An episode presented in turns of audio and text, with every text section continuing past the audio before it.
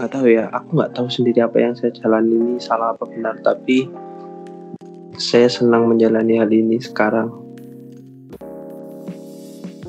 Selamat datang di Biasa Bicara, tempat membicarakan apa saja dari kacamata orang biasa. Saya Dodi, dan sama seperti episode-episode sebelumnya, kali ini kita ditemani oleh teman bicara lainnya. Mungkin bisa langsung perkenalan? Ya saya Alfi. Kenal Dodi itu di tapi juga teman SMA tapi dekatnya pas waktu kuliah. Sering nongkrong juga bareng kesibukan saya bekerja ngapain dan yang lainnya. Jadi walaupun aku sama Alfi ini kenalnya taunya ya, taunya itu mulai SMA, tapi benar aku baru kenal sosoknya Alfi ini gimana ketika kuliah ya, tepatnya semester-semester akhir. Dan karena dulu aku nggak deket sama Alfi, jadi aku nggak tahu gitu Alfi ini orangnya kayak gimana sih. Terus eh, cerita di balik sosok si Alfi ini gimana. Dan ternyata setelah kita sering nongkrong bareng gitu, ternyata banyak hal yang menarik gitu dari Alfi yang bisa kita diskusikan atau kita perbincangkan. Nah, salah satunya mungkin hal paling fundamental dalam hidup gitu ya, tentang keluarga ya, Vi. Eh, kalau nggak salah keluargamu itu cukup konservatif ya, Vi?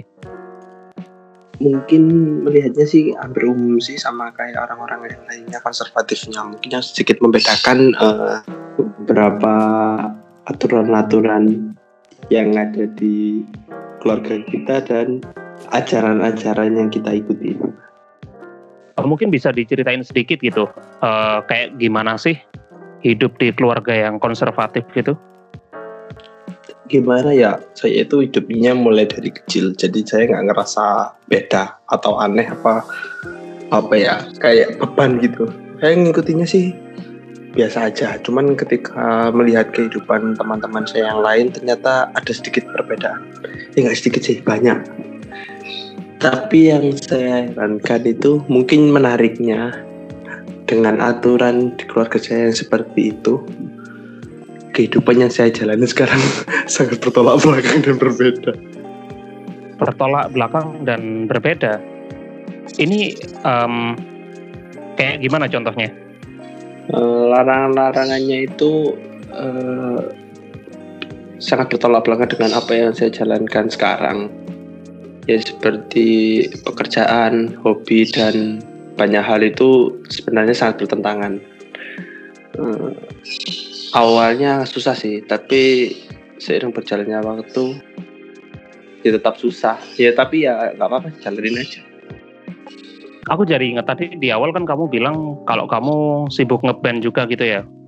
Ngomongin karirnya Alfi sebagai pemusik ini, di mana kan katanya tadi kamu bilang keluargamu itu sedikit menentang gitu ya tentang apa yang kamu jalani termasuk hobimu tadi.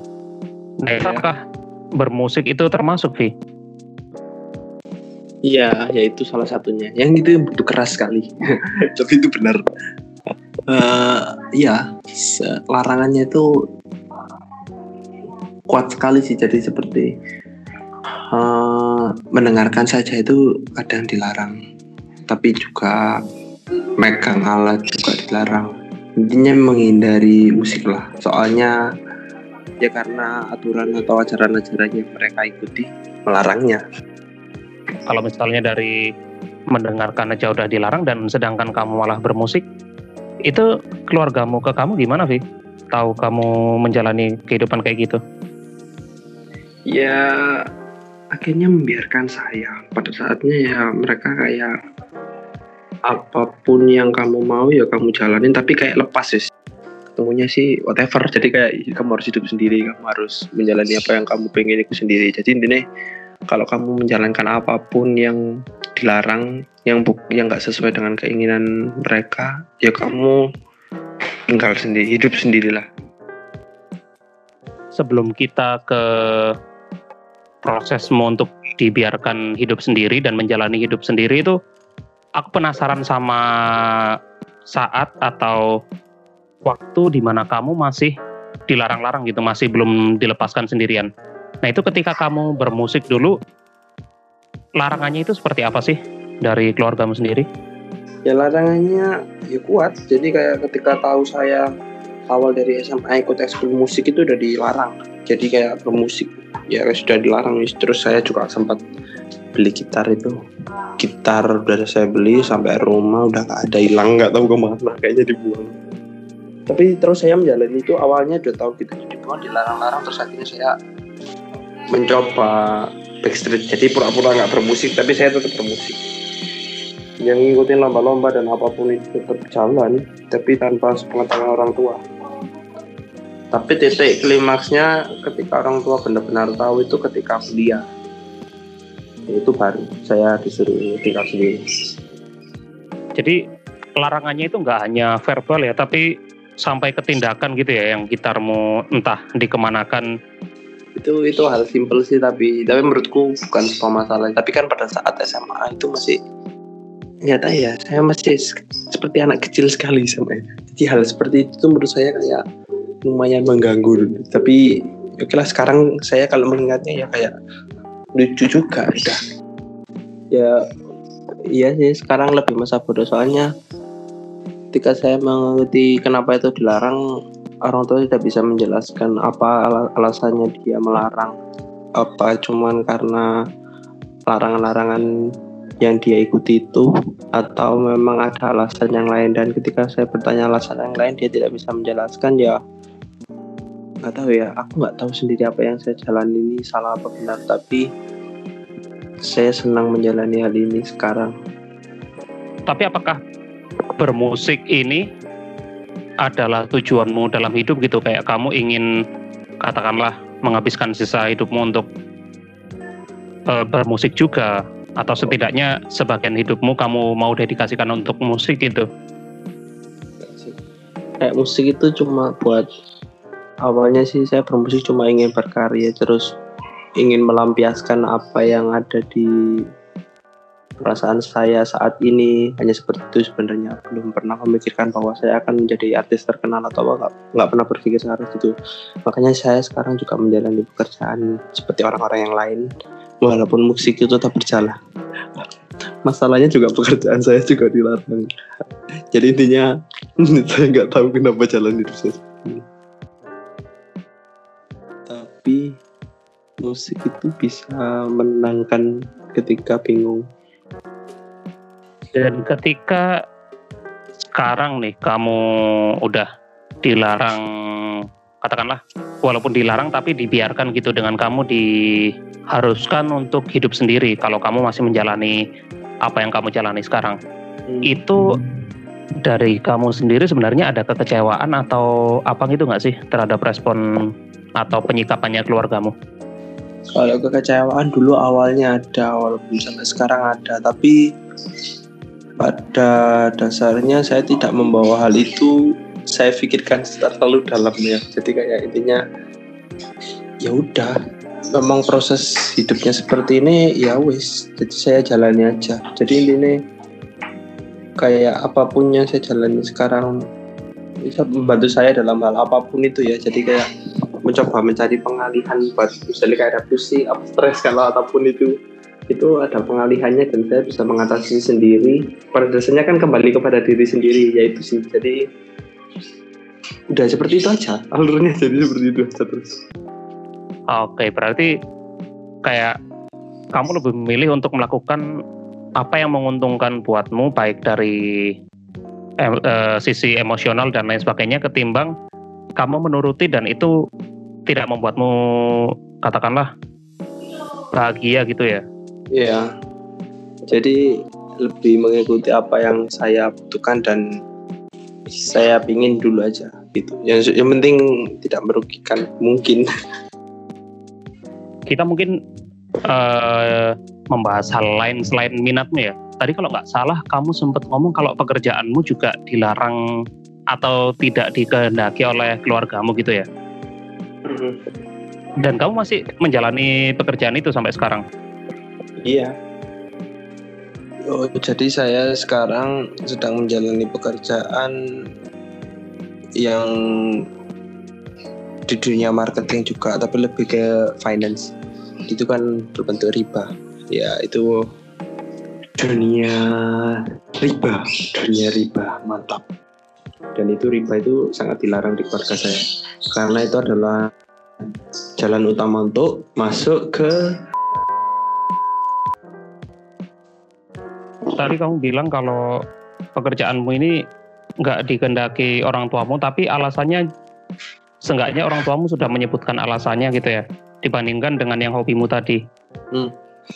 Nggak apakah kamu masih ingin melanjutkan karir yang kamu geluti sekarang atau kamu ada kepikiran untuk suatu saat kamu harus memilih karir lain yang lebih dikehendaki oleh keluargamu gitu? Entah ya, kalau itu masih belum pernah kepikiran. Cuman kalau kepikiran untuk hal yang lebih bekerja di tempat ini terus sih kayaknya ada plan kayak mau lebih ke mana lebih ke mana ada. Cuman kayak saya orangnya tidak pernah memiliki plan jadi lebih ke apa yang saya jalani sekarang saya jalani. Tapi mesti seiring berjalannya waktu mesti mendapatkan hal baru hal baru itu. Jadi dari situ saya belajar mesti gitu. Jadi proses hidup saya seperti itu sih. Tapi kalau berbicara karir ini kan sebenarnya ketika kamu awal mau melamar pekerjaan kan kamu bisa memilih bidang lain ya. Tapi kok kenapa kamu memilih bidang ini yang kebetulan juga tidak direstui keluargamu gitu? Apakah memang memang sengaja kamu mengincar bidang ini atau ada tuntutan lain atau pertimbangan lain gitu? Enggak sih kak. Soalnya pada saat itu saya hmm, proses jalan hidup saya itu saya ngerti pekerjaan ini karena ada kesempatan aja. Jadi saya kayak iseng gitu. Pertamanya nyoba aja iseng. Jadi kayak ternyata masuk dan dengan sengaja masuk udah masuk bekerja. Ketika bekerja saya lihat flow dan apa proses pekerja apa pekerjaannya seperti ini ini, ini. jadi saya kayak uh seru ya. Kayak sedikit mendebar-debar ya, pekerjaan di sini. Jadi kayak tapi kayak ya saya pada dasarnya nggak pernah ngincar-ngincar pengen ini pengen ini enggak jadi kayak prosesnya berjalan aja gimana jalannya gimana diikutin aja. Jadi nggak pernah terplan juga. Jadi ketika ini tahu dilarang pun saya juga nggak tahu kenapa saya juga ada di sini. Tapi tapi memang ada kesempatannya pas di sini aja gitu. Oke, tapi awal banget kamu berproses di karir yang kamu geluti sekarang, respon keluargamu gimana? Ya melarangnya. Kalau bisa sih pindah kalau bisa sih pindah terus menerus. Ini itu nggak baik itu itu seperti gitulah. Ya nggak bisa menanggapi sih saya. Saya cuma hanya terdiam. Tapi kalau misal dibandingkan nih ya antara respon keluargamu ke karirmu sama keminatmu yang musik tadi itu penentangannya atau larangannya lebih keras yang mana Vi? Lebih keras ke musik sih. Kalau di logika pun lebih keras ke musik karena kan musik tidak jelas. Mungkin ya lebih tidak menjelaskan karena kalau pekerjaan kan mungkin masih masih seperti dunia-dunia konservatif tapi menginginkan anaknya itu bekerja di tempat yang worth it yang proper dan semacamnya. Karena musik tidak proper jadi tidak didukung dan lebih dilarang. Berarti kalau kita simpulkan tadi dari karir hobi itu semuanya kamu termasuk dilarang ya dan dari dilarang oleh keluargamu dan kamu memilih untuk melakukan apa yang kamu mau atau apa yang menurutmu berdampak positif pada hidupmu daripada mengikuti anjuran orang tuamu yang kemungkinan besar tidak berdampak sepositif itu ya. Saya juga nggak tahu kenapa itu positif apa enggak. Tapi pada dasarnya kita tidak pernah ada pembahasan soal kenapa saya harus menjalani itu dan apa dampaknya dan kenapa saya harus menjalani itu. Kalau saya melakukan kenapa apa yang salah itu tidak pernah dibahas. Jadi saya kayak tidak menemukan jawaban diri atas larangan-larangan itu. Jadi saya kayak lebih memilih untuk uh, saya sendiri yang mencari tahu.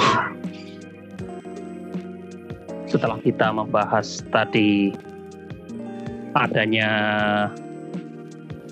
perbedaan cara pandang hidup antara kamu dan orang tuamu, antara apa yang orang tuamu restui dan apa yang kamu jalani itu kan berbeda. Nah, hmm. harapanmu sendiri untuk ke depannya gimana sih? Apakah kamu merasa oke-oke saja untuk menjalani hidup yang seperti ini. Jadi kamu masih ada pertentangan dan kamu anggap itu wajar atau kamu ingin suatu hari nanti benar-benar berdiskusi dengan orang tuamu dan membahas kenapa ini dilarang dan harusnya saya seperti apa gitu? Gak tahu ya. Saya itu orangnya bingung kalau, kalau bicara soal harapan-harapan itu. Tapi kalau di keluarga saya, saya nggak pernah berpikir harapan-harapan itu. Tapi lebih ke ya udah sih jalan gimana sih proses hidupnya. Berarti penyikapanmu terhadap problematika di hidupmu ini lebih ke memikirkan apa yang bisa kamu lakukan sekarang ya ketimbang memikirkan kemungkinan-kemungkinan gitu ya. Iya. Oke, berarti yang kamu lakukan ini lebih ke mengapresiasi prosesnya ya. Tapi satu lagi pertanyaan terakhir, pertanyaan terakhir sekali. Dengan kamu dilahirkan di keluarga yang cukup konservatif, hidup di keluarga yang konservatif juga. Apakah kamu merasa baik-baik saja dengan hidup seperti itu? Uh, saya tidak pernah merasakan bahwa saya itu menderita atau enggak. Jadi pada dasarnya setiap orang kan kembali ke dirinya sendiri. Walaupun memang restu orang tua itu memang penting di kehidupan orang-orang ya. Mesti kehidupan saya mungkin uh, apa pun masalah dan yang kamu hadapi sekarang itu kamu harus tahu gimana cara menyikapinya dan gimana cara kamu tetap bisa survive dalam hidup. Oke mantap banget. Uh, terima kasih ya Vi udah berbagi keresahan di episode kali ini. Nah um, sebelum kita tutup nih podcast episode kali ini kamu mau ini nggak promo-promo yang sedang kamu geluti sekarang? Mungkin bandmu yang baru keluar atau rilis single baru? Jadi dengarkan ya uh, lagu-lagu Ravana di di mana pun kalian mendengarnya. Jadi uh, uh, yang stay di Malang tanggal 1 datang ke Jardin ya. Uh, entah kalian mendengarkan podcastnya kapan. Minggu depan tanggal 1 jadi Ravana main kalau bisa datang. Di Jardin ya kayak cafe di daerah Tidar. Oke. Okay. uh, eh, mungkin teman-teman yang lagi di Malang dan mau cari hiburan gitu ya. Bisa nonton konsernya Ravana kebetulan tanggal 1 Oktober besok di Jardin di daerah Tidar Malang. Atau mungkin kalau mau mendengarkan lagu-lagunya dulu secara digital bisa ke Spotify ya Vi? Spotify YouTube juga ada Ravana Ravana pakai V bukan pakai W ya. Oke Ravana pakai V ya kalau mau dengerin. Ya Oke, demikian episode kali ini. Terima kasih sudah mendengarkan sampai akhir dan sampai jumpa di episode berikutnya. Bye bye. Dor. Raimu tak